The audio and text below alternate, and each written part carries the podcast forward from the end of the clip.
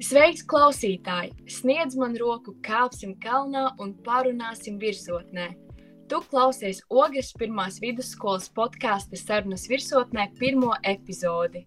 Sarunas virsotnē podkāstos mēs aplūkosim dažādas tēmas saistībā ar karjeras iespējām, skolotāju un absolventu pārdomām par ikdienas dzīvi, mācību procesu skolā, aktuālākās tēmas literatūrā un kino, par skolānu psiholoģisko domāšanu, kā arī par aktuālākajiem jautājumiem un pasākumiem mūsu skolā.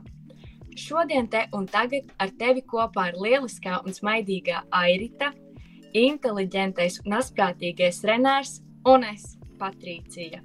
Mēs esam Ogres pirmās vidusskolas humanitārā novirziena 12. C klases skolēni – un mēs tevi iepazīstināsim ar ikdienu skolā caur skolotāju acīm. Renāri, lūdzu, iepazīstini mūsu klausītājus ar šīs epizodes viesi. Jā, sveiciens visiem. Man sauc Renārs. Un, šodien mums būs ļoti īpaša vie viesņa, allaša, smaidoša, pozitīva, tāpat laikā mērķiecīga un pārliecināta. Noteikti jāpiemina, ka mūsu podkāstu viesa ir patriotiska un viņa tic, ka Latvijā aug patriotiski jaunieši ar vēlmi aizvien uzlabot dzīvi dzimtajā zemē. Viņa ir ļoti talantīga un daudzpusīga daudzās dzīves jomās. Iegūsi bakalaura grādu uzņēmējdarbības vadībā, kā arī piedalījusies Erasmus projektos, kā arī veikusi brīvprātīgo darbu Amsterdamā. Viņa noteikti nav attiecībās uz jūs ar tādām nodarbēm kā dziedāšana, riteņbraukšana vai peldēšana.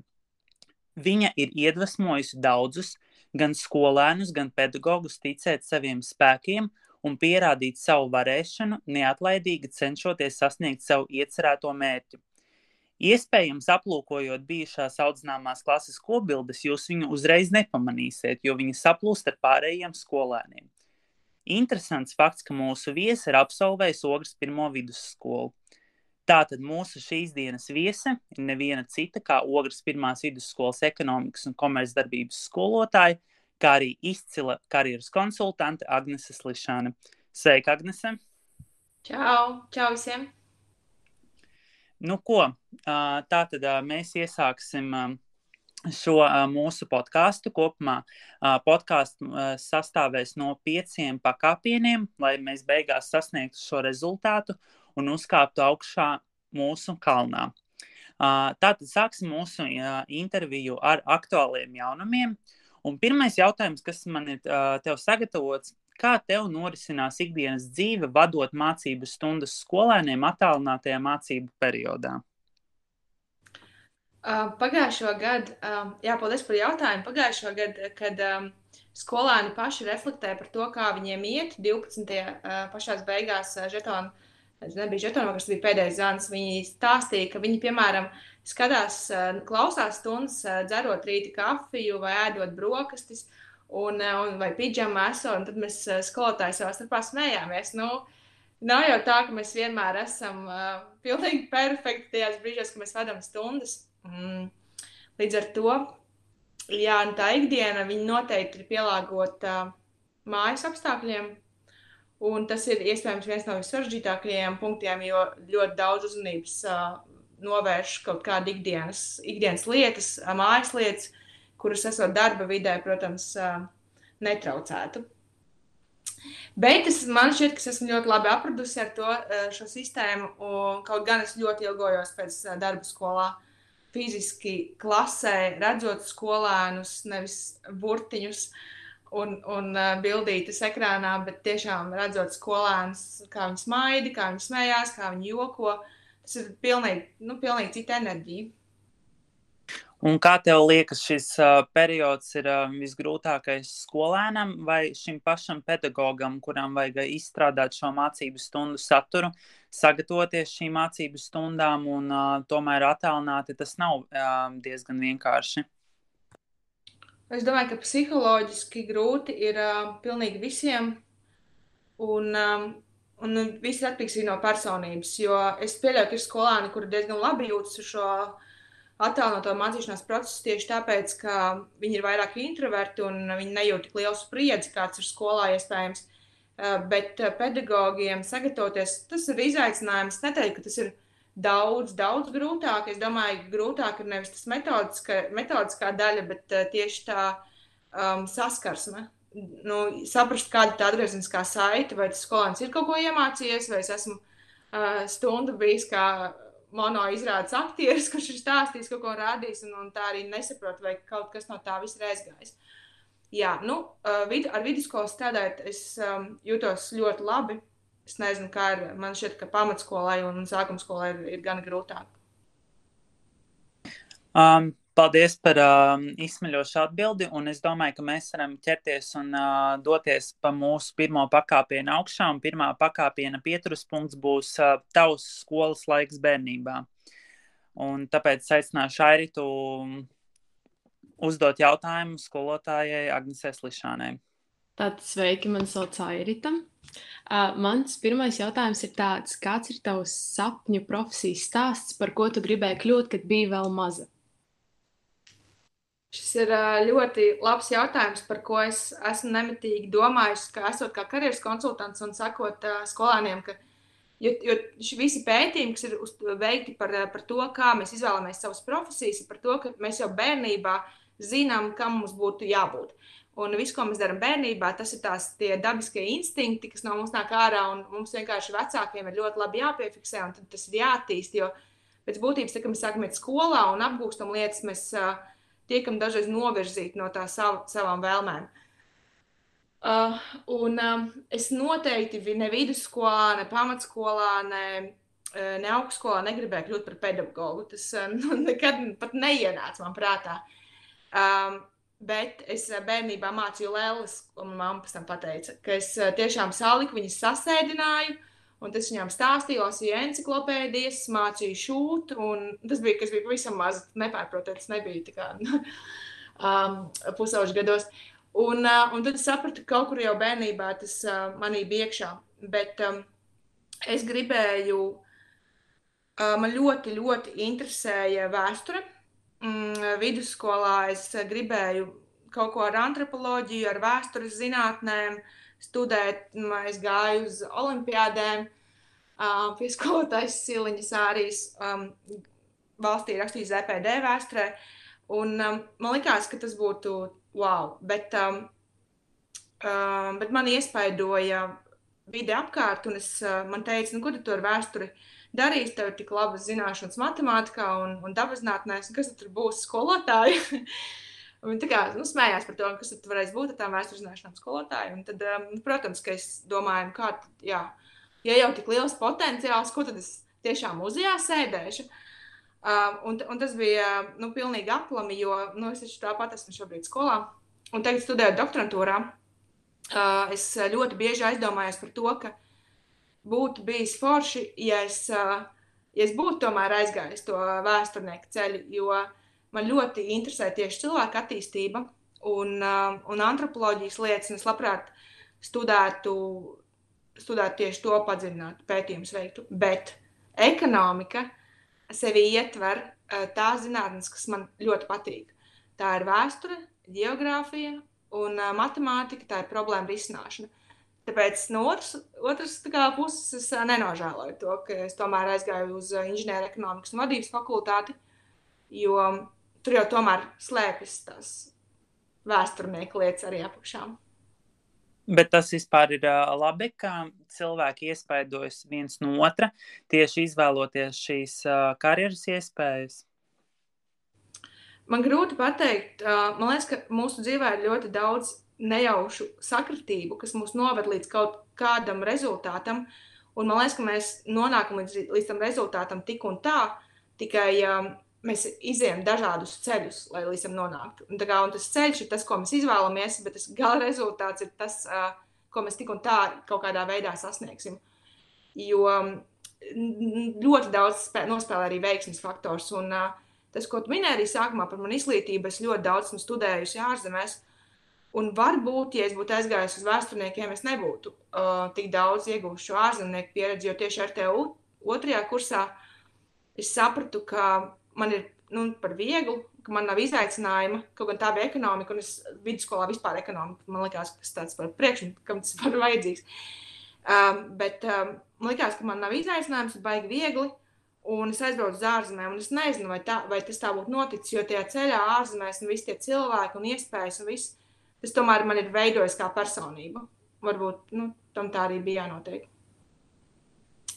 to iespēju, es nezinu. Nu, eh, es domāju, ka ne, nevajadzētu, bet kāda ir iespēja? kāda ir iespēja, ka viss, kas ir jums apkārt, jūs eh, veido? Es nezinu, vai varbūt tāda, tāda ir tā mūsdienu tehnoloģija sabiedrība. Jā. Kā tev pašai veicās mācībās, vai bija teicamniece skolā? Es nemaz nevarētu jums samalot, tāpēc ka visi ļoti daudz mani šī brīža kolēģi ir ir mani bijušie skolotāji. Eh, līdz ar to man ir tas, kas man ir jāsaka, man ir jāstāsta taisnība. Nu, tajā ziņā es laikam arī nevaru. Um, Agrāk man likās, ka ir slikti, ja tu ļoti labi mācies. Varbūt jū, jūs nedzīvojat tādā sabiedrībā, bet tad, kad uh, es gāju vidusskolā, tad uh, tie saucamie izcilnieki, nu, viņi nebija super mīlēti. Uh, nu, mūsu klasē nebija īsti to problēmu, ka mēs visi bijām tādas patas un pabeigusi matemātikas klasi. Manā laikā nebija arī komerciālības klases. Um, un, um, jā, es mācījos labi. Nu, nu, varbūt vēl labāk, kā labi. Nu, tā, ļoti labi. Um, jā, un tagad es sav, savai iepriekšējai es droši vien teicu, ka nu, nevajadzēja tik traki censties. Nu, ja vienmēr labi mācās, bet nu, tomēr dzīvē sanāk, ka paslīd kāju, un varbūt kādas ir tavas atmiņas, vai kāda ir tava lielākās nepatikšanas, kas ir bijušas tev skolas laikā? Mm -hmm. nu, vienreiz man izmet pa logu ārā. Um, tas bija pamatskolā, un to puisi gan izslēdza pēc tam no skolas. Jā, um, es, es teiktu tā, ka, uh, un ko es arī gribētu ieteikt arī vidusskolāniem un, un pamatskolāniem, ir, jums ir, uh, ir daudz jāmācās. Ir tiešām jāmācās, uh, bet ir arī jāprot priecāties. Jo dzīve, kurā nepriecājās, ir nu, par škam tas vispār vajadzīgs. Uh, Un, um, un tajā ziņā mēs, kā vidusskolas klase, mēs, um, mēs pie šī piestrādājām. Mēs uh, ļoti daudz um, atradām izklaides iespējas un, un balējāmies, bet ļoti daudz arī mācījāmies. Jo mēs sacenstāmies par vidējām, mums arī bija ļoti augsts klases vidējām. Mēs taisnām no balītēm, gājām uz mājām un mācījāmies. Uh, bet jā, tā izmešana pa logu, kas vēl, nu, tādi īstenībā tādi nedarbi lielākie vispār nav atklāti. Un, eh, un mēs esam zaguši kontroldarbus uh, skolotājiem, kaut gan pēc tam tos kontroldarbus nomainīja, un tas nebija labi. Bet um, mēs esam zaguši kontroldarbus. Mēs esam mainījušies kontroldarbiem, kontroldarbu laikā, nu, tā ka padodam vienu darbu, viņš apiet apkārt un viss saraksta. Uh, man bija audzinātāja vidusskolā Ligita Medvēdzeva, Un, uh, un viņa pat nenojauta, kas notika klases ekskursijās. Bet viss ir labi, labs, kas labi beidzās. Un, uh, ja daudz ko nezinu, tad vieglāk naktīs var gulēt. Uh, tāpēc, manuprāt, daudz arī uzsver to, ka vidusskola ir tas posms, kad vajag izbaudīt, mācīties, uzsūkt visu, ko vien var. Jo nu, dzīvē pēc tam tā izpriecāties vairs īsti nevarēs, un tāpēc vajag izbaudīt šo vecumu posmu. Jā, es tev piekrītu. Bet kā tev šķiet, vai jauniešu tas dzīves stils tieši nedarbu ziņā ir kaut kā mainījies pa gadiem vai nav?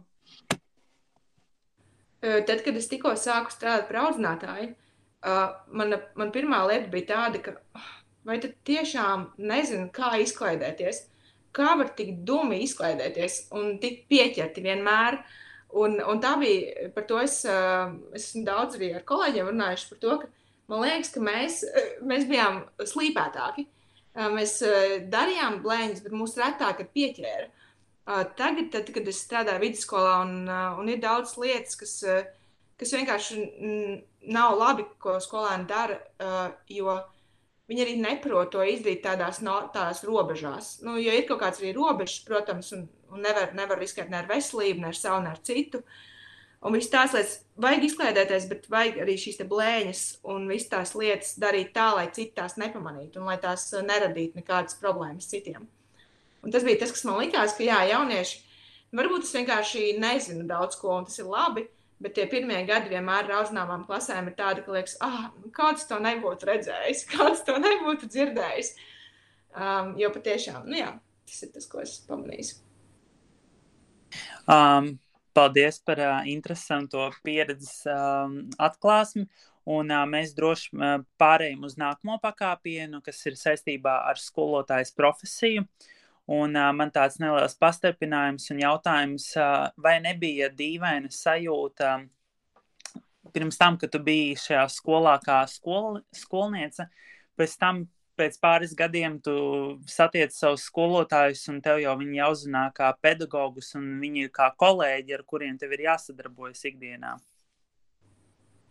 Jā, bija ļoti dīvaini iet skolotājs tabā. Es nezinu, kā jums ir, bet es sākumā domāju, man liekas, ka nu, tu taču nevari iet.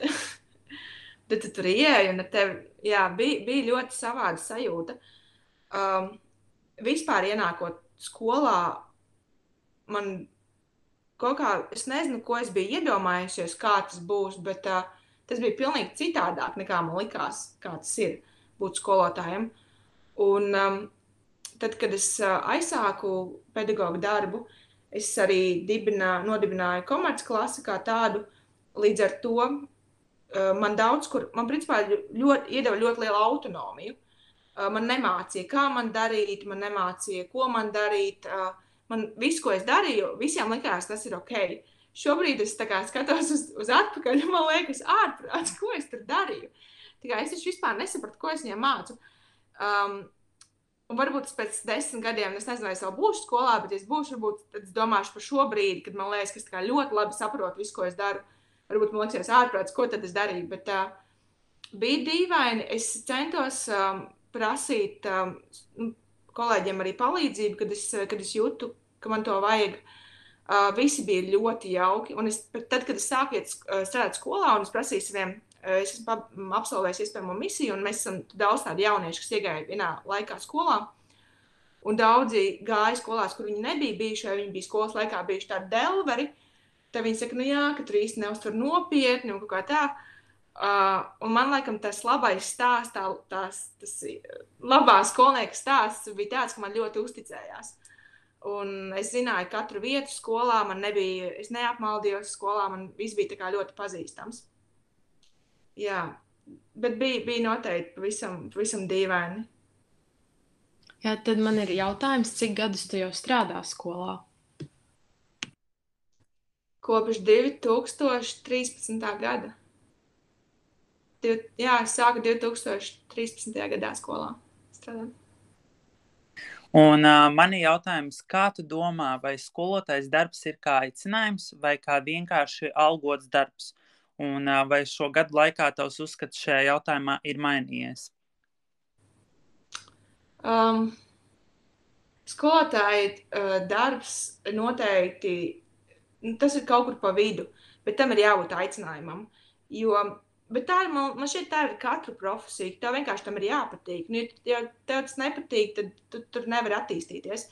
Bet uh, skolotāja profesijā, kāpēc es neizslēdzu pilnīgi to algoto darbu? Uh, Um, tāpēc, ka skolotāja profesija arī var nopelnīt. Tā arī nav, ka tas ir kaut kāds nabadzīņu darbs un, un, un ka neko tur nemaksā. Um, tā nav izglītības sistēmā, var nopelnīt, bet tā nopelnīšana, protams, ir ar lielākām pūlēm. Es pirms tam esmu darbojusies uzņēmēju darbībā un mārketingā. Un, um, pieliek, ko, nu šeit man, it īpaši sākumā, man bija jāpieliek daudz lielāks pūles, lai nopelnītu to pašu. Bet, uh, bet skolotāja darbā, lai tu varētu, lai tu varētu to darbu tiešām veikt ilgstoši un pie laba saprāta un ar labu nervu sistēmu, tev tam ir jāpatīk. Jo tikai tad man šeit var dabūt atpakaļ to labo, nu, to labo sajūtu par to, ko tev skolāni ir izdarījuši. Bet pirms pieciem gadiem, 2015. gadā intervijā tā, tā laika direktors vietnieces pienākuma izpildītāja Irēna Pupčēnuka atzina, ka sākot uh, tev darbu Ogres pirmajā vidusskolā, no vecākiem bija tas neusticības kredīts tev, ka viņi nevēlējās uzticēties jauns pedagogs un, un, un varbūt nav pietiekoši pieredze. Kāda bija tava sajūta? Kā tu pārliecināji bērnus, vecākus, ka tu vari, um, ka tu esi inovatīva, ka tu vari sniegt tādas pašas iespējas kā pedagogs ar lielu gadu pieredzi skolas darbā? Jā, tu, uh, Renārs, uh, pilnīgi pareizi, bet, tas, uh, bet tur ir konkrēts konteksts. Um, tas bija tieši 2013, 2014, tieši pirm, pirmais gads, otrais gads. Uh, jo, uh, un tas nebija no vidusskolas, bet tas bija no pamatskolas, jo man iedeva mācīt matemātiku. Un, um, un lai gan man, uh, man ir tā augstākā matemātika, un, un, un ar matemātiku viss ir kārtībā, bet es negribēju, un, un es arī nebiju gatava. Bet uh, nebija, kas nebija kas pasniedz. Man iedeva, uh, iedeva mācīt uzreiz divas klases. Un īstenībā tie piektie, ko man iedeva, ir šobrīd 12. Un ļoti daudz no tiem bērniem, kas bija pie manis matemātikā, šobrīd ir pie manis komercklasē. Un es tā kā vaiprātīgi lepojos ar tiem dažiem bērniem, jo uh, es redzēju, kā viņi izauga. Un, un ir, nu, es tagad saprotu, kāpēc skolotāji ņem no pirmās klases bērns. Ja, kad tu redzi, kā viņš ir izaudzis, tā ir nu, tā sajūta, ka tu tik ļoti labi saproti to, to, to bērnu, kāds viņš ir bijis un kāds viņš ir tagad. Um, bet eh, tajā laikā es, es domāju, ka es pati biju ļoti nepārliecināta uh, par, to, par to, ka man ir jāpasniedz priekšmets, kur, uh, kur uh, man nav tāda īsta metodiska pamata. Kaut gan uh, no, man jau nāca vērot stundas metodiķi, un uh, man nāca tieši matemātiku. Un uh, man brauc arī no Rīgas, jo tas bija uzstādījums. Tā vienkārši jauniem pedagogiem bija. Un man nebija nekāda problēma. Ne, ne, nebija tā, ka es kaut ko mācītu nepareizi, arī rezultāti bija tajos pārbaudas darbos, diagnostikas ļoti labi. Uh, bet, uh, bet jā, bija sākumā tur no pāris vecākiem bija neusticība, un es viņus saprotu. es ļoti labi tos vecākus saprotu. Es droši vien arī nebūtu, ja es pats sev neusticējos. Um, un uh, un es, es domāju, ka tā ir, um, es uzskatu, ka tā īstenībā ir vadības, tas ir vadības pienākums uh, nedot. Un tagad man liekas, tāda situācija vairs nav. Ka vienkārši, ja nav kāda klasika, ko māca, tad iedod vienkārši kaut kādam skolotājam. Nu, tad māci. Mums nav, nav, nav, nav šo klasu mācīt, tu vienkārši māci. Un tā bija tā situācija. Es domāju, ka tas nebija arī baigi, baigi pareizi. Jā, bet tas ātri beidzās. Nu, tas, tas tiešām bija īsu laiku, un es arī pēc tam tikai aizgāju arī tikai uz vidusskolu, jo es arī uzreiz teicu, kā varat tā, lai man to matemātiku ņem nost. Un tā. Bet bija forši, tie, nu, kā, bija grūti, bet uh, bija arī forši matemātika mācība. Un vai tu ieteiktu jauniešiem izvēlēties apgūt skolotājas profesiju? Nu, ja tas patīk, tad jā. Ja liekas, ka tas patīk, es ieteiktu sākumā pamēģināt kaut kur, kā, pamēģināt kādu stundu novadīt, pajautāt skolotājiem, kādās nometnēs, pastrādāt ar bērniem. Gan neformālā izglītība arī ir nedaudz citādāk nekā formālā, bet vienkārši pabūt tajā vidē noteikti pirms pieņemt tādu lēmumu. Jo dažreiz liekas, ka tev tas patīk, um, un ir daudz piemēru, kur izmācās par pedagogiem, sāk strādāt un saprot, ka nebūs. Tāpēc, ne, ja, ja pamēģina un ja patīk, tad jā, jā, jā protams, skolā ļoti forši. Kas ir labākais, ko var iegūt strādājot skolām?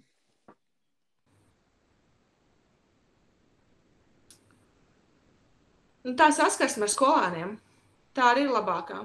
Es teiktu, ka tie izaicinājumi nekad nav skolēni. Tie izaicinājumi ir sadarbība ar citiem pedagogiem, dažkārt sadarbība ar vecākiem. Un, uh, ar vecākiem es saku, zinot to, kas notiek ar maniem kolēģiem, uh, es pilnīgi ar, nu, ar tīru sirdsapziņu varu pateikt, ka manu skolēnu, vidusskolēnu ar vecākiem man nav nekad bijis problēmas. Un īsnībā tieši ar auzinājumiem klasēm ir fantastiski vecāki. Un tā, kas, nu, es, man nav pilnīgi nu, tā, bet, bet dzirdot, kas notiek apkārt un lasot komentārus Facebook, pie visādās grupās par pedagogiem, es saprotu, ka, nu, ka vecāki uh, spēj. Viņiem vienmēr ir nu, viedoklis par to, kā vajadzētu darīt. Um, jā, bet tas lielākais iegūms noteikti ir, ir skolēni, it īpaši redzot, ko, ko jūs varat izdarīt, un kad jūs dabūjat tās vietas olimpiādēs un, un konkursos. Un, kad es redzu to izaugsmu, tas man ir tāds jūtas, ka tā ir mana izaugsme. Es priecājos tikpat ļoti par tām vietām un par tiem sasniegumiem, kā tie būtu manējie. Uh, un tas iedod uh, tādu milzīgu spēku.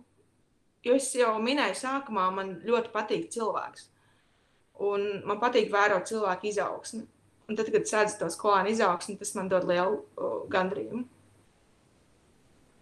Jā, un runājot tieši par audzināmajām klasēm, cik tev ir bijušas kopā audzināmās klases, un vai tu vēl projām uztver kontaktus tieši ar viņiem? Jā, man ir bijušas divas audzināmās klases. Um, ar vienu gadu starpību. Nu, tas tā, ka man vienu gadu bija brīvs, un tad es paņēmu um, atkal audzināt. Un um, man uh, pirmais gads, man žēl to bērnu ir. Ko viņi tā nedomā? Nu, mēs uzturam arī kontaktu un mēs sarunājamies. Un, uh, daudz no viņiem šobrīd pabeiguši jau bakalaurus, kas ir liekas vienkārši uh, wow. Nu, tā, ka tas laiks ir tik ātri pagājis. Mm, Un daudz no viņiem es varu teikt, ka man ir jau tuvu tādam draugu statusam, kur mēs sazināmies, satiekamies, padzeram kopā kafiju, izējām pastaigāties, un tiešām tā izrunājamies par dzīvi un par citām lietām. Bet kāpēc es teicu, ka man ir žēl? Tāpēc, ka man, nu, es, es biju pirmo gadu skolā, man bija jāzināmā klase. Es vispār nesapratu, kas notiek. Bet kaut kā jau mēs tur mēģinājām, kaut kādās ekskursijās braucām, un, un viss kā viss jau notikās. Uh, Mm, un tad ar otro auznāmā klasi um, es, uh, man liekas, es ļoti centos, un uh, man ļoti patika, un, un tur, tur man izveidojās patiešām ārkārtīgi cieša saikne daudziem no tiem skolēniem. Un uh, mēs arī šobrīd sazināmies visos daudzos sociālajos mēdījos un, un apjautājāmies. Un es es droši vien tāpēc, kāpēc ir viegli man izveidot to, to saikni, ir tāpēc, ka es viņus uzturu kā līdzvērtīgus man nav neviena brīdī tā sajūta, viņš ir mans skolēns, un tāpēc es ar viņu, nu, ko tad tur es tērēšu savu laiku. Uh, bet uh, es tiešām viņus uzturu kā līdzvērtīgus, un, un daudz no, no viņiem arī, es domāju, uzkāpis ļoti augstu karjeras kāpnēm. Tad mēs noteikti varam sagaidīt, ka tev vēl būs kāda audzināmā klase. Es nevaru solīt. Bet nu, pauzi vienmēr dzīvē. Vai? Ko lūdzu? Pauzi vienmēr dzīvē vajag paņemt nu, pēc kādas audzināmās klases, lai varētu nobriest tam nākamajam posmam, jo tomēr man liekas, tas nav diezgan um, vienkārši. Bet um, runājot, pievēršoties uh, par citu tēmu, tieši tām karjeras sākumam, tad uh, kā tu nonāci līdz idejai par projektu iespējamā misija? Kas bija tas, kas tevi uzrunāja, um, kas tevi piesaistīja šajā projektā? Uh, tajā laikā, kad es um, iestājos iespējamā misijā, es atrados Amsterdamā. Uh, es biju iesniegusi jau um, Rotterdamas Universitātē dokumentus uz maģistra programmu un, um, par mākslu un uzņēmējdarbību. Un, um, es biju pilnīgi pārliecināta, ka es palieku Rotterdamā, uh, studēju un ka es atpakaļ nebraucu. Un man visu laiku nāca uz, uh, uz paskastīti vēstuli no tādas mad madaras bitītes. Un es domāju, nu, kas tas ir? Un viņš tā, sveiki, Agnes. Nu, tas ir, protams, tā ir rekrutēšana. Tas ir tas, kā viņi to dara. Likās, vai tas tiešām pazīst šo puisi? Kāpēc viņš man visu laiku raksta? Un, uh, un, jā, un es lasīju, un tur bija rakstīts par līderības programmu un par, uh, par tādām līderības, nu, līderības um, prasmju attīstīšanu. Un es kaut kādā es, es tiešām nezinu, kas notika manā galvā, jo es nesavilku kopā to ar pedagoģiju. Kaut gan tas ir skaidrs, tā ir skolotāja programma. Uh, bet es kaut kā tik ļoti biju no, nofokusējusies to līderību, ka es um, pieteicos. Un um, tajā laikā es atbraucu uz Latviju atpakaļ. Um, jau misijā četras kārtas, un tad, kad es nokļuvu līdz ceturtajai kārtai, es sapratu, ka es strādāšu skolā. un uh, es nezinu, jā tās arī nokļuvu. Man nav tāds kaut kāds ļoti, uh, par šo man nav ļoti mērķiecīgs stāsts, kā es esmu nokļuvusi. Es teicu, ka tas tajā dzīves periodā es laikam īsti pat nezināju, ko es gribu darīt.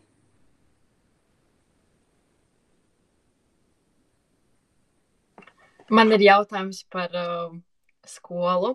Arī uh, Vai ir bijuši kaut kā, vai ir bijušas kādas smieklīgas atbildes uz pārbaudas darbiem, kad tu lasi, piemēram, pārbaudas darbus, labo, un ka tev pilnīgi smieklīgi nāk par atbildēm? Vai ir tā bijis?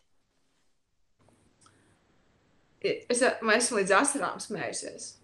Nu, tā, ka tiešām līdz astoņiem es pat esmu, nu, bez vārdiem, bet esmu sūtījis kolēģiem to, kas ir sarakstīts. Nu, tā, nu, pilnīgi, man liekas, ko, nu, kā var kaut ko tādu iedomāties, bet tas nav par to, ka, um, ka sko, es neesmu nekad smējusies par, uh, par kaut kādām tādām skolēnu zināšanām, vai ā, kā viņš to varēja nezināt, vai ko tam līdzīgi, bet dažreiz ir vienkārši kaut kāds ļoti smieklīgi vārdu salikumi vai kaut kāda doma izteikt. Man, ja es man prasītu konkrēts piemērs pateikt, es laikam nevarētu uzreiz pateikt konkrēts piemērs, man tad ir jāpameklē, es tā baigi nekolekcionēju. Vispār laba doma, varbūt jāsāk kolekcionēt. Uh, bet, uh, bet ik, ik pa laikam ir kāda pērle, um, ko var izlasīt, un, un dažreiz mēs arī skolotājs savā starpā padalāmies, nu, lai ir jautrāk.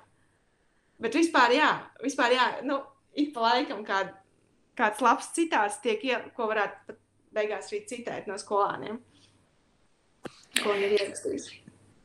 Nu, man, manuprāt, tā ir ļoti fantastiska metode, jo es zinu, ka daudz skolotāju pieraksta šīs atbildes, jo dažkārt es leju pasmaidīt arī dienas beigās, labojot to mājas darbu kaudzi vai pārbaudas darbu, kas ir sakrājusies, bet mēs pārējām pie nelielas starpsadaļas, lai nedaudz ievilktu elpu no šiem jautājumiem.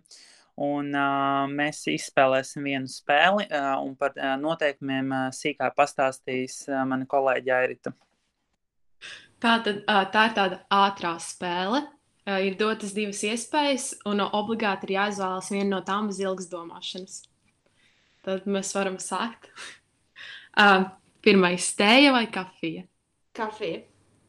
Uh, vaniļas vai karameļu sieriņš? Vaniļas. Atpūt pludmalē vai kalnos? Kalnos. Brīvdienu rīts gultā vai fiziski kustoties? Fiziski kustoties. Gaišie krāstoņi vai tumšie? Gaišie.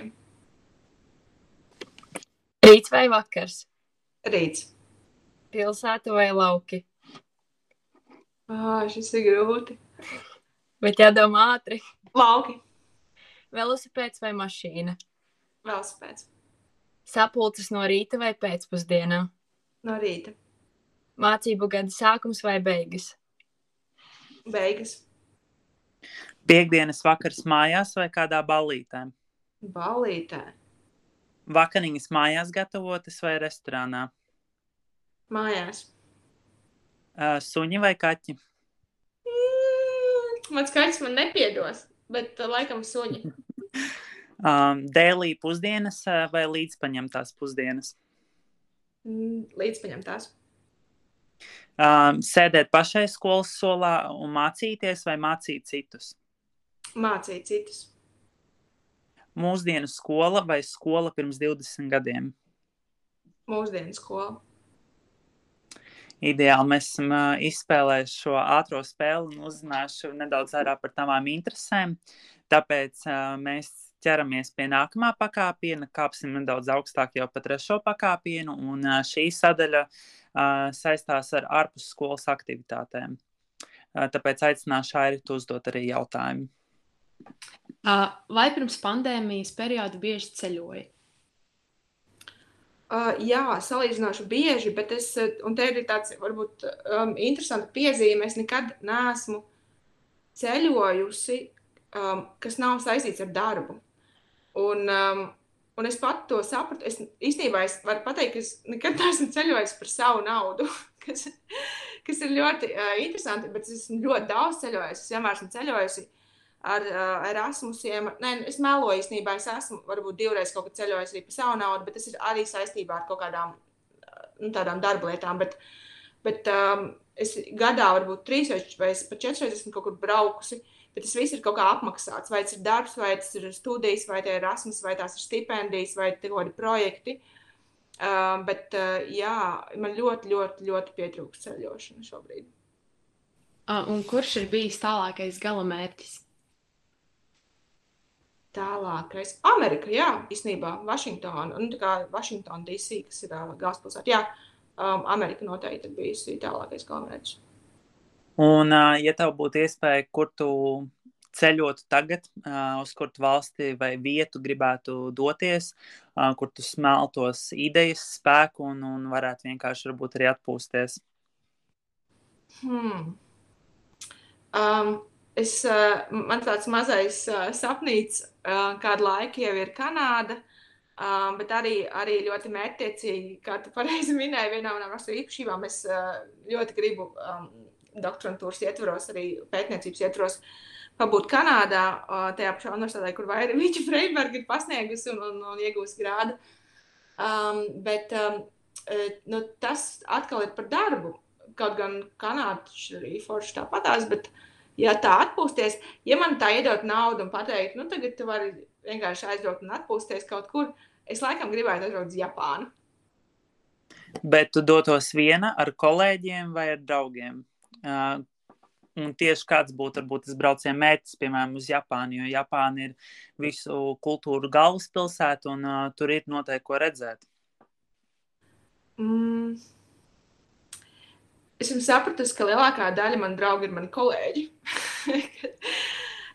vai dombiedri. Un, ja, es droši vien, es, es teikšu tā, es ceļoju ar saviem dombiedriem. Un daži no tiem, lielākā, lielākā daļa no tiem ir mani kolēģi, kas ir skolas, bet man, man nav skola vienīgā darba vieta. Un daudz no tiem ir universitātē vai, vai kādos projektos. Uh, Un tie ir arī tiem cilvēkiem, ar kuriem ir par ko runāt. Un, eh, ja ir par ko runāt, tad, eh, tad ir forši, tad ir arī forši ceļot kopā. Uh, mēs zinām, ka gan skolotājiem, gan skolēniem ir diezgan saspringts uh, darbdienu grafiks, un, un, un, un dažkārt pat brīvdienās nesenāk atpūsties. Bet, uh, kā tu pavadi savas brīvdienas tagad, ko tu dari, kādas ir tavi mērķi ko tu gribētu sasniegt arī citās brīvdienās, kad varbūt tomēr kad nav tik daudz tā, tā darba un kad ir arī laiks atpūsties un pavadīt laiku sev? Uh, es tev runāju, neiepriecināšu, jo brīvdienās es strādāju. Um, bet, protams, bet varbūt ne... ideālās brīvdienas. Jā, tās var būt ideālās, ka nekas nav jādara. Um, nu, es, es strādāju tāpēc, ka, tāpēc, ka es pati esmu to izvēlējusies un, uh, un man ir dažādi darbi, kas ir, kas ir saistīti tieši ar pašu izglītošanos un ar, ar biznesu, ko es šobrīd esmu uzsākusi. Bet, um, tā ideālā brīvdiena ir tāda, kur es varu ļoti daudz staigāt. Un, un tajās brīvdienās, kad, kad, kad, ir, kad ir pilnīgi brīvs, tā nav sen jau bijis, bet tad es vienkārši agrāk pieceļos. Es piecos piecos, es līdz astoņiem esmu daudz ko izdarījis, un tad es jūtos, ok, tad es varu izbaudīt brīvdienas. Um, un uh, tad es eju uz ziliem kalniem, staigāt, un man atbrauc draugi no Rīgas, un tad mēs ejam staigāt kaut kur uh, pa ziliem kalniem vai kaut kur uz kādām dabas takām aizbraucam. Uh, man ļoti patīk teātris, un uh, šobrīd es uh, pat nevarot uh, klātienē skatīties, kas, kas bija viena no manām tādām top interesēm, kad es varēju, kad es braucu uz teātriem, tad uh, šobrīd es izmantoju iespēju un skatos translācijas un ierakstus no izrādēm. Um, tas man sagādā lielu prieku. Un, uh, es ceru, ka ātrāk beigsies mans memberships Netflixam, jo es, tas ir vienkārši laika zaglis. Esmu, tos, es, esmu sapratusi, ka to vienkārši labāk, lai viņš beidzās. Um, jo, jo tas arī tas, ko es mēdzu darīt, es skatos kādu filmu, un man ļoti patīk vēsturiskās uh, drāmas. Tad um, tas ir tas, kā es sevi iepriecinu. Es domāju, ka tas noteikti ir laika zaglis. Varbūt var ieteikt kādu seriālu, kas ir būt tavu, tavu top virsotnē, ko tu varētu ieteikt um, mūsu klausītājiem uh, noskatīties. Tā. Mm. Vispār, uh, tagad es nezinu, vai tāda vēl rāda, bet uh, nu, visiem zināmais, esmu Frančs noskatījusies vairākas reizes, uh, visas sezonas. Um, mans vidusskolas tops, un tagad ik pa laikam es pasmējies no stāsta The Office, kas ir, uh, kas man liekas, ir ļoti saskana man humoru izjūtu. Mm, bet uh, no pēdējiem, ko es skatījos, es baidos uh, samalot, bet man liekas, šāds Bridgeton. Uh, tā, tas bija tas, ko es noskatījos. Man arī ļoti patika. Um, es, nu jā, es ieteiktu, varbūt uh, neskatīties tik, tik daudz. Ne, es domāju, ka jauniešiem nevajag pat ieteikt, ka, vi, ka viņi jau tāpat to dara samērā daudz. Bet, ja skatāties, tad skatieties kaut ko tādu, kas jums iedod kaut kādu pievienoto vērtību. Noteikti. Ka jūs nevis tā, ka jūs pēc tam nevarat pat pateikt, ko jūs no tās iegūsiet, bet, kad jūs skatāties, jūs domājat līdz tam, tam kas tur ir un mēģiniet arī darbināt tās savas smadzeņu šūnas.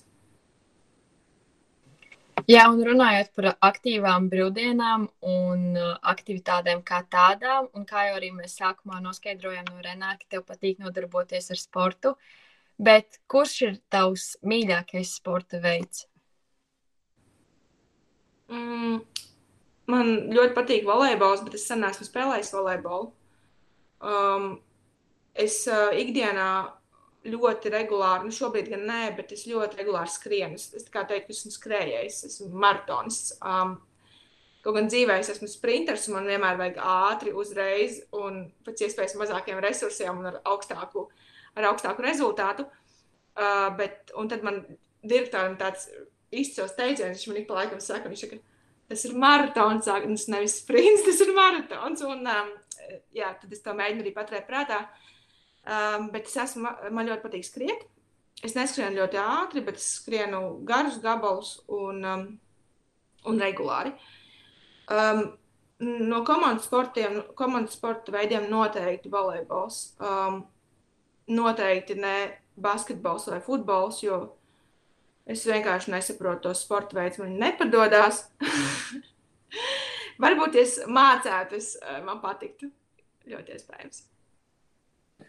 Um, nu jā, katram mums ir kaut kādas īpašības un uh, lietas, kas mums sanāk un padodas, un ir kaut kas, kas tomēr, um, kur ir, kur sevi pilnveidot. Uh, bet uh, mēs te uh, virzīsimies pa nākamo pakāpienu augstāk, un uh, mēs jau esam pie ceturtā pakāpiena. Un uh, ceturtais pakāpiens ļaus ielūkoties skolas jaunumos.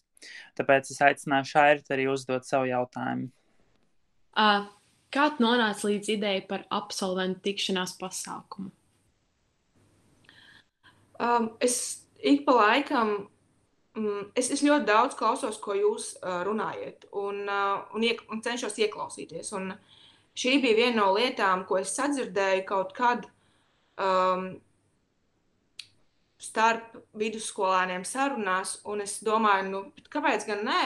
Nu, tas taču ir. Uh, ja, ja jūs to gribat, kāpēc gan nē, tāpēc es, tas ir viens, varbūt arī ieteikums jums, ka jūsu balsis ir dzirdamas. Un, uh, jums ir jārunā par lietām, ko jūs gribat, jo jūs sadzirdēs. Uh, protams, ka ja jūs kaut kāds uh, ieteiksiet absolūts muļķības vai ņirgāsieties, tad, tad uh, jums tā uzticība zudīs. Bet, uh, bet uh, vidusskolā parasti nu, man nav tāds saskarsmes, kur tā būtu. Un, uh, jums ir tās labās idejas, mēs viņas dzirdam un mēs viņas mēģinām arī īstenot. Un par absolūtu tikšanos arī, arī dzirdēju kaut kā, kaut kur, kaut kā. Un tas vienkārši manā galvā noformējās, un tas, es sāku to, to darīt. Un es ticu, ka tā, es ceru, un es ticu, ka tā varētu būt laba pievienotā vērtība jums, vidusskolēniem. Es domāju, tā būtu fantastiska iespēja mūsu skolēniem varbūt ļaut iepazīties uh, par šīm augstskolas vidēm un, un tieši par nākotnes iespējām. Un, uh, man te ir jautājums, kas jāņem vērā potenciālajiem desmito klašu skolēniem, kuri vēlas iestāties Ogres pirmajā vidusskolā. Jo, kā zināms, šogad uh, tieši šo procesu skars nelielas izmaiņas arī mūsu skolā, tāpēc varbūt varētu īsi ieskicēt, kādas ir gaidāmās izmaiņas, un varbūt arī īsi pastāstīt par uh, šiem grozu komplektiem, nu, varbūt tieši saistībā ar komerc uh, šo pieskaņu. Mm -hmm. Um, par izmaiņām, par izmaiņām mēs, uh, mēs šobrīd esam formēšanās rezult, procesā. Tas rezultāts būs marta sākumā, kad es varēšu tā pilnīgi precīzi par visu atbildēt. Bet uh, mums regulāri notiek sēdes, un mēs, uh, mēs tādu mazs kodoliņš. Tur ir vadība, un mēs daži skolotāji, kas, kas ļoti cītīgi pie tā strādājam. Bet tas, kas noteikti ir jāņem jau šobrīd, par ko ir jādomā, ir par to motivāciju. Uh, Nu, kāpēc es gribu iet tajā vidusskolā? Jo tas, ka ir augstas sekmes, um, nenozīmē, ka, ka tu jutīsies labi vidusskolā. Jo, ja tu nezini, ko tu gribi, tad, tad tu ir grūti atrast to īsto vietu un arī justies tajā vietā labi. Um, padomāt par to motivāciju, kāpēc tieši vidusskola. Uh, jo ir vēl daudz citas iespējas, uh, ko darīt pēc, uh, pēc pamatskolas. Un, uh, lai nav tā, ka tā ir mammas izvēle, vai, vai, vai kāda cita izvēle, ka tu ej vidusskolā, bet ka tu pats to vēlēsies.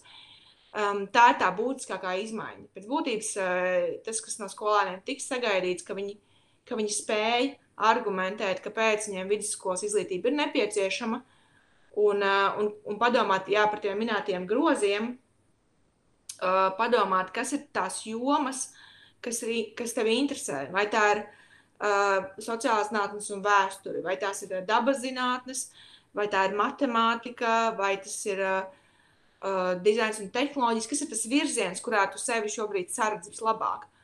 Un, um, protams, ka varēs veikt arī kaut kādas izmaiņas procesā, bet uh, jo vairāk par to domās jau tagad, jo mazāks, uh, kļū, kļū, mazāk kļūdas iespējamība.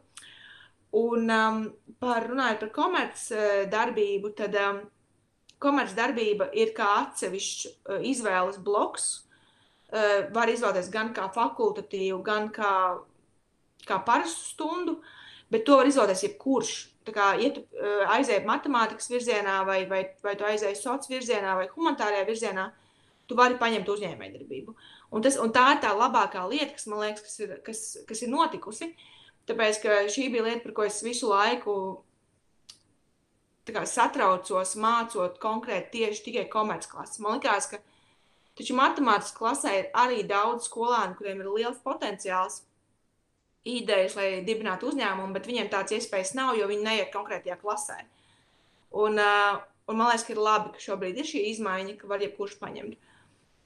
Um, runājot par ekonomiku, kas ir otra mana lielākā aizlība, tad ekonomika ir zem vēstures un sociālām zinātnēm, un vēstures un sociālās zinātnes kā kurs ir citādāks nekā varbūt daudziem šķiet, um, jo tur ir apvienotas tā, tādi priekšmeti kā vēsture, politika, um, ekonomika, um, sociālās zinātnes, un, un tas viss ir kopā. Un tas veido tādu ļoti labu uh, sinerģiju, un tas, un tas, tie visi priekšmeti, viņi tā smuki savijās tajā kursā kopā. Līdz ar to tiem, kam interesē visas šīs, te, šīs jomas, kuram interesē cilvēks, kuram interesē procesi, sabiedrība, um, tad, uh, tad es ieteiktu izvēlēties šo kursu. Tāpēc, ja kādam interesantam ir kādi jautājumi, tad droši es domāju, var arī Agnesē Slišanē privāti uzrakstīt Facebook vai Instagram, un viņa droši atbildēs šiem jautājumiem, kā arī droši jautāt mums un mūsu Instagram platformā sarunas virsotnē, un mēs droši sniegsim šo ieskatu un dosim šo atbalsta plecu izvēloties kādu konkrētu programmu vai nedaudz pastāstot sīkāk par mūsu skolu. Jā, un man ir jautājums arī, kāda ir skolāna aktivitāte izmantojot tieši karjera, karjeras konsultanta pakalpojumus, jo es pieļauju, ka daudzi nemaz nezin par šādu iespēju, vai mūsu skolā izmanto šādu iespēju. Um, izmanto, bet izmanto vairāk vidusskolēni. Nu, arī ne visi, protams. Um, es domāju, ka zinu, nu, es, es, es es būtu bēdīgi domāt, ja, ja tiešām nezinu, jo tā informācija ir visur apkārt. Bet, nu, es, Iespējams, ka vienkārši neskatās to informāciju arī. Jo tomēr jau no karjeras konsultantiem ir diezgan bieži ienāk, pienāk arī kāda ziņa no jums. Un, un tā, bet uh, izmanto vidusskolēnu un ik pa laikam uh, tieši izmanto stājoties ārzemju augstskolās, kuras var palīdzēt arī um, ar motivācijas vēstulēm un, un CV veidošanu un iestāju, iestāju pārbaudījumiem, kaut kādiem dokumentācijām. Uh, Um, vai tas ir ļoti daudz vai ļoti maz, tas ir relatīvi. Skatoties, skatoties to, cik izmantoju pirms tam, es domāju, šobrīd izmanto vairāk. Ne visiem, protams, ir nepieciešams. Daudz izmanto arī augstskolu karjeras konsultants, ja tas ir iespējams. Piemēram, jūs jau zinat, kur jūs gribat studēt, jūs vienkārši šaubaties par attiecīgo programmu. Tad tas, ko es varu darīt, um, ir šie augstskolu karjeras konsultanti, kas ir pieslēgti arī skolēniem, un tad jūs varat konkrēti sazināties ar to cilvēku, kas tie augstskolā jau strādā un zina precīzi par visām programmām. Nu, tā. Nu, cerēsim, ka skolēni vairāk izmantos šo pakalpojumu, jo es pats esmu izmantojis un bijis pie Agnes Lišanas, var teikt, tikai labākos vārdus, tāpēc, ja jums ir kādas šaubas, tad noteikti vēršties pie Agnes Lišanas un viņa uh, kliedēs jūsu šaubas vai varbūt izrazīs šos jautājumus, kuri jums um, būtu jāatrisina mācību periodu laikā. Uh, es domāju, ka mēs varam uh, kāpt uz pēdējā pakāpiena droši, kas ir piektais pakāpiens. Un, kā daudz pamanīja mūsu klausītāji, ka mēs, mums ir sociālajie tīkli gan Instagram, gan Facebook lapa, tāpēc droši piesakojiet, izdarat to, jo tas mums palīdzēs attīstīt mūsu projektu. Un, Mēs sekotājiem pirms pāris dienām uzdevām jautājumus, ko viņi vēlētos pajautāt tev tieši.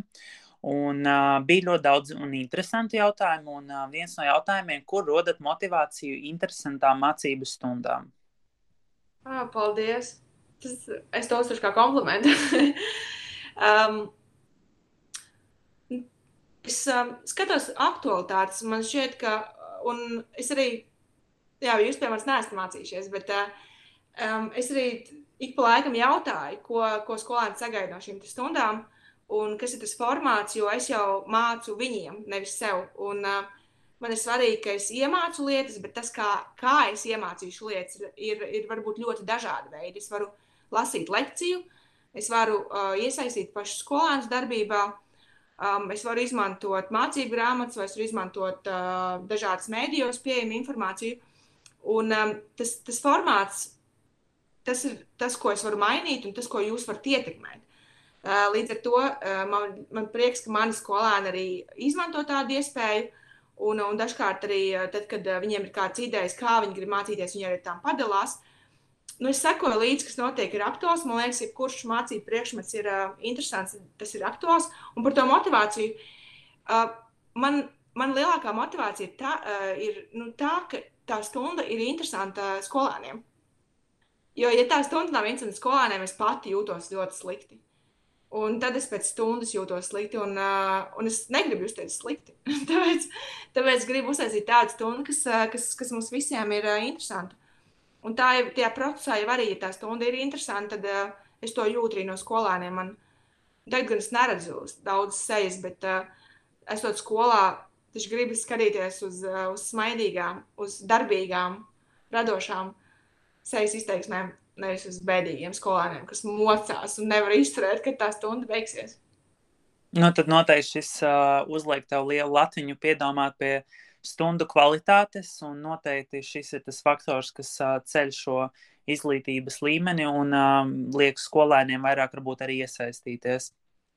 Tad nākamo sekotāju jautājumu uzdos Airita. Uh, kur un kā atgūstat spēkus pēc garas un smagas darba dienas? Uh, um, jā, arī ļoti labs jautājums. Um, tā viena lieta, varbūt, ko es daudz neesmu stāstījusi, bet uh, es uh, jau diezgan daudz gadus um, nodarbojos ar tādu, tāda man aizraušanās ir ķīnie, ķīniešu tāda meditā, nu, medicīnas forma, tāda meditācijas forma, kur uh, Um, kur tu, nu, tagad tā meditācija ir super populāra un, un visi par to runā, bet uh, tajā laikā tas varbūt nebija tik, tik populāri, kad es to sāku. Un, uh, tas ir par to, ka tu mēģini dabūt pilnīgi tukšumu galvā. Un tad, kad skolēniem stāsta par biznesa idejām, es parasti saku, um, ka kamēr jūsu galva ir pārbāzta ar informāciju, nekas jauns nevar ienākt galvā. Un uh, jums ir jāmēģina maksimāli dabūt to, ka jums nav tās domas kaut kādu laiku, jo tās domas ir tik daudz tajā galvā, ka tu sāc nogurt tādā sistēma visu laiku darbojās, darbojās, darbojās. Un, uh, jā, un šīs meditācijas, protams, es gāju pie, pie profesionāļiem. Es pati tas nav tāds pašvadīts process, bet uh, tas noteikti palīdz, ka tu spēj dabūt vismaz uz pusstundu, stundu, pusotru stundu dienā um, savā galvā tīrību. Un, ja tev galva ir tīra, tad arī ķermenis tīrs un, un um, skriešana, meditācija, Um, bet jā, jā grāmatas uh, arī, jo tad arī tas prāts arī tiek um, aizvirzīts kaut kur, kaut kur citur. Un tas ir, tie ir mani spēkavoti. Jā, un ļoti svarīgs jautājums, kas, manuprāt, interesē daudzus, jo uh, tieši 12. klasē ir šī dilemma uh, par nākotnes profesijas izvēli. Un kā rīkoties jaunietim, kurš nevar izlemt, kur iet studēt pēc vidusskolas beigšanas? Nu, šī viena opcija ir šī karjeras konsultācija, kur var atnākt un, un, un, un notiek šī individuālā saruna. Vai ir vēl kādas metodes, kā var varbūt stabilizēt šo ceļu uz šo nākotnes profesiju? Um, jā, tu pieminēji par, um, par konsultācijām un vienmēr pārunāt ar kādu par to, kas tev interesē un sakārtot tās domas, ir, ir labs ceļš. Tas, tas nevien, nu, tam nevienmēr vajag būt karjeras konsultantam, bet tam noteikti vajag būt cilvēkam, kam jūs uzticaties. Un, tā, tā, tie var būt vecāki, tie var būt draugi, um, tie var būt. Um, kā nu, vienkārši cilvēks, kam jūs patiešām uzticaties un kam jūs esat gatavi pastāstīt uh, un, un, un sagaidīt arī tieši atbildi. Uh, otrs ceļš noteikti ir izmēģināt, uh, jo kamēr jūs nezināt, kā tas strādā, ir ļoti grūti pieņemt lēmumu. Un, uh, tāpēc uh, izmantot visas iespējas, kas ir ēnu dienas, kas ir uh, atvērto durvju dienas augstskolās, kas ir visādas izstādes, runāt ar cilvēkiem, runāt ar augstskolu pārstāvjiem ļoti bieži tās programmas, ko augstskolas piedāvā, no ārpuses izskatās perfektas, un jums liekas, wow, kā es šeit studēšu. Un tad jūs sākat studēt, un jūs saprotat, ka mm, smuki uzrakstīts, bet nu, īstenībā nekas tur nav. Tāpēc uh, tie studenti, kas jau tur studē, arī ir resursi. Un uh, tie var būt absolventi, bet jūs varat arī šos cilvēkus meklēt caur sociāliem tīkliem, caur uh, studentu pašpārvaldēm, caur LinkedIn. Atrodiet un pajautājiet nu, tādu pilnīgi godīgu, nu, kā tur īsti ir. Un um, ir arī studentu kurpēs, man liekas, tāds pasākums, nezinu, vai šogad noteikti, bet kur, kur var vienu dienu ēnot studentu tajā konkrētajā augstskolā. Mm, to var izmantot noteikti. Un uh, meklēt, iet cauri programmām. Vasarā iz, vienmēr izmantot visas iespējas strādāt, vasarā pastrādāt, lai saprastu kaut vai, kas jums nepatīk. Tas jau arī labi, ja jūs kaut ko uzreiz varat izmest ārā no tā saraksta. Nu, man liekas, visiem tiem, kuriem vēl nav skaidrs profesijas izvēle, tad es noteikti ieteikt pieslēgties šiem te absolventu tikšanās reizēm, jo es pats apmeklēju šo pirmo reizi, kas bija ļoti vērtīga, un uh, daudzi vispār izmanto šo iespēju, par ko es biju ļoti pārsteigts, ka es ieraudzīju to lielo skaitu uh, cilvēku, kur bija pieslēgušies tiešraidē, un Agnes Lišām varētu noprecizēt, kad būs tad nākamā šī absolventu tikšanās reize. Jā, nākamā absolventa tikšanās reize būs 25. februārī. Pūkstens trijos, tā arī ceturtdien ir. Un, nu, tur mums ir tādi jau, jau karjerā augstu pakāpušies cilvēki, um, kas pārstāv gan ārsta profesiju, gan, gan, mūzikas, muzikoloģi, um, gan TV žurnālists. Un, nu, tie cilvēki, absolventi, kas jau ir sasnieguši, noteikti varēs jau pastāstīt uh, to to turpinājumu pēc studijām, kā tas viss notiek. Es jūs tiešām ļoti aicinu, jo Renāri varbūt arī pamanīja, ka tur nav cenzūras, um, tur ir ļoti neformāli un, un visi saka tiešām, ko domā, jo nevienmēr, nevienmēr tā pieredze ir laba. Un uh, arī tas ir jāzina. Uh, jums tā pieredze būs dažāda, uh, bet mācīties no tām kļūdām un nevienmēr ir tā, ka jūs uzreiz aiziet studēt, Dažreiz jums jāpaņem gads, nevienmēr jūs iesākat studijas un tās pabeidziet. Bet tāpēc zināt, ka tas, ir, ka tas ir normāli, ka dzīve ir dažāda un ka nevajag vienmēr to perfekto ceļu. Kā es no skolas izgāju, tā es līdz, līdz prezidenta amatam. Um, jā, tāpēc es tiešām aicinu pieslēgties, arī uzdot jautājumus, jo uh, pagājušajā reizē sadūšojās jautājumiem autori pēc stundas, uh, un tad vēl stunda bija jautājumi. Bet, uzdot tos jautājumus jau, uz, jau uzreiz. Jā. Jā, un manuprāt, ļoti labu jautājumu ir uzdevis viens no mūsu sekotājiem. Tas ir, kā skolotājs mūsdienu informācijas burzmā un steigā neizdeg un spēj nodot kvalitatīvu informāciju skolāniem? Jums tādi ļoti gudri uh, sekotāji ir. Tādi pārdomāti jautājumi. Um, Nu, jā, es, es, tas ir tas, ko es minēju. Tas ir saglabāt kaut kādu savu, uh, savu to lauku, kurā tu esi bez tās visas informācijas. Mm, sociālie tīkli, un, un tas droši vien nav arī tikai skolotājiem, bet arī jums, ka tās informācijas ir tik daudz, un jūs viņā esat visu laiku, ka tu atrodies tādā, uh, tu esi visu laiku saslēdzies ar kaut ko tādā tīklā nemitīgā tīklā visu laiku kaut kas skan, telefons skan, dators skan, visur kaut kādas ziņas pienāk. Arī šajā laikā, kamēr mēs runājam, es jau redzu, man vairākas ziņas Facebookā, Slackā, e-pastā nāk ziņas, un es like, domāju, nē, man ir jākoncentrējas. Um, tā izdegšana tā izdegšana notiek tad, kad mēs aizmirstam par to, ka mēs neesam šeit citu dēļ, tādā ziņā, ka mums nevajag vienmēr būt sasniedzamiem. Um, mums ir jāsaprot, ka vienā brīdī, lai mēs būtu noderīgi citiem, mums ir jāsaglabā tā, tas veselais saprāts un, un fiziskā veselība pašiem. Uh, nu tad pēdējais jautājums no mūsu sekotājiem. Un šis jautājums arī būs diezgan nopietns. Uh, ko jūs uh, domājat par skolas 2030 uh, mācību programmu? Vai tā skolēnus labāk sagatavos dzīvei un nākotnes darbam? Jā, tu atstāji ķirsīti beigām. Um, es ļoti pozitīvi skatos uz to mērķi, ar kādu šī, šī nu, kāpēc tas vispār tiek darīts. Uh, es pieļauju, ka šajā procesā ir vēl daudz neatrisināts lietas, kāpēc arī cilvēki uztraucās un kāpēc ir tik daudz neapmierinātu arī pedagogu.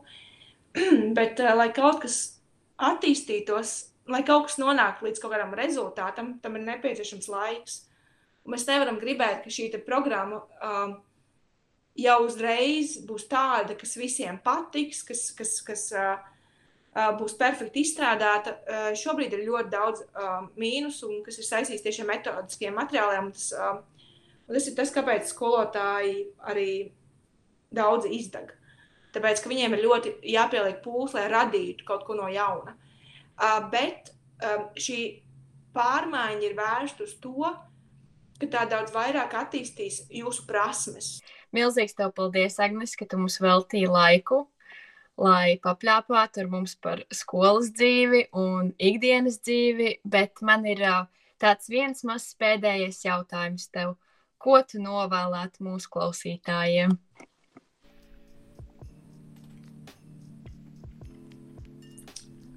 Nu, es nebūšu oriģināli. Es novēlēšu, novēlēšu saglabāt prieku un, um, un uh, vienmēr skatīties uz lietām un uz izaicinājumiem kā uz iespēju.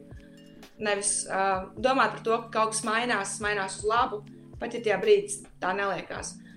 Jo dažkārt mēs neredzam lielo bildi, mēs uh, esam tik ļoti nokoncentrējušies uz problēmu, bet neredzam, ka tā problēma tajā lielajā bildē iespējams pat ir pakāpiens uz kaut kādu augstāku un, un, un labāku lietu. Un, um, un viss, kas notiek, es ticu, ka tiešām notiek arī uz labu. Tikai ir jāprot uz to, uz to tā paskatīties. Jo, kā jau saku, nav jēga raizēties divas reizes. Tad, kad mēs uztraucamies par lietām, kur varētu rasties problēmas, tad mēs uh, par to uztraucamies divas reizes. Pirms tas ir noticis un tad, kad tas notiek. Tāpēc, kāda tam ir jēga, tad, uh, tad kad tas notiks, tad arī par to uztrauksimies jā, es tiešām novēlu sagā, saglabāt prieku un optimismu par to, kas ar mums notiek. Un pat ja tajā brīdī tas tā neliekās, viss būs beig beigās labi. Paldies, tev, klausītāji, ka klausies mūsu podkāstu sarunas virsotnē. Šodien ar tevi bija Ogres 1. vidusskolas 12. C klases skolnieki un skolotāja Agnese Slišāne. Cerams, ka šī epizode tevi aizrāva un tu uzzināji sev interesējošu informāciju. Sako mūsu sociālajiem tīkliem, Facebook un Instagram, lai piedalītos podkāstu tapšanā un uzzinātu pirmais par jaunajām podkāstu epizodēm.